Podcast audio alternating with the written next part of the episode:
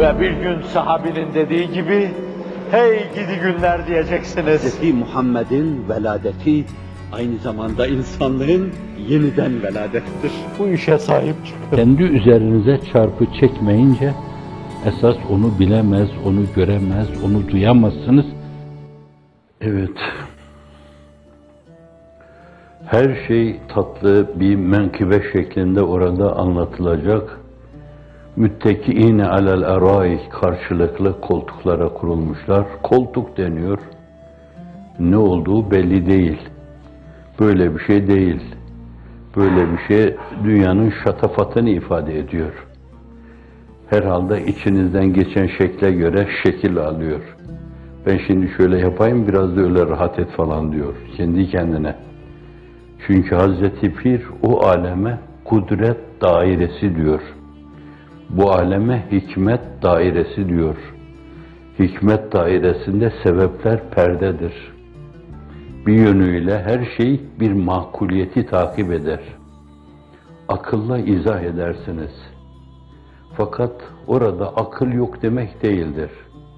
Fakat kudret öyle hakimdir ki aklınıza gelen şeyler aklınızın köşesinden değil taakkulünüzden, tasavvurunuzdan, tahayyülünüze çarpıp geçen şeyler anında oluverir. Utufuha daniye fi cennetin aliye. Her şey burnunuzun ucunda arzu ettiğiniz, aklınızdan geçen her şey öyle bir kudreti kahire, bir iradeyi bahire, bir meşiyeti sübhaniye yeri ki orada koltuklara oturmuş, dünyadaki sergüzeşti hikaye ediyorlar birbirlerine. Buradaki o acılar, o elemler, o ızdıraplar, zalimlerin hayhuyu, mazlumların ahuvahı ve iniltisi birer musiki şekline dönmüş. Bazen onu bir sabah zenginliği içinde, bazen bir yönüyle bir uşak tatlılığı, letafeti içinde, bir hüzzam zemzemesi içinde veya ras zemzemesi içinde, bir segah letafeti içinde, bir Hicaz letafeti içinde o hikayeleri dinleyeceksiniz, o sergüzeşte hayatı. Aklınıza gelen rahatlığın her türünü duyacak, iliklerinize kadar yaşayacaksınız. Ama orada iliklerine kadar o meseleyi yaşama, meseleyi burada tabiatın bir derinliği haline getirmeye bağlı. Her obje ondan size bir yönüyle bir name. Her ses ondan size gelen bir name. Nameyi dinler kendinizden geçersiniz. Nameyi okur Rabbimden namedir. Üzerine kapanır ve öpersiniz onu. Onun ortaya koyduğu her şeyi öpersiniz. Burada varlığa, eşya ve hadiselere böylesine hallac ederek yaklaşmak, böylesine bakmak, öbür tarafta her meselenin böyle bir zemzeme, bir demdeme haline gelmesine inkılap ediyor. Böyle bir yolda yürüyorsunuz. Bazıları dünyayı her şey zannettiklerinden dolayı taparcasına ona bağlanıyorlar. Onun debdebesine, şatafatına, ihtişamına, rahatına, gelip geçici rahatına. Oysa ki bir yönüyle bugün yaşadığınız o muvakkat rahatlık, yer yer ölümü, toprağın altını, dar kabri düşündüğünüz zaman zehir zemberek bir şey haline geliyor.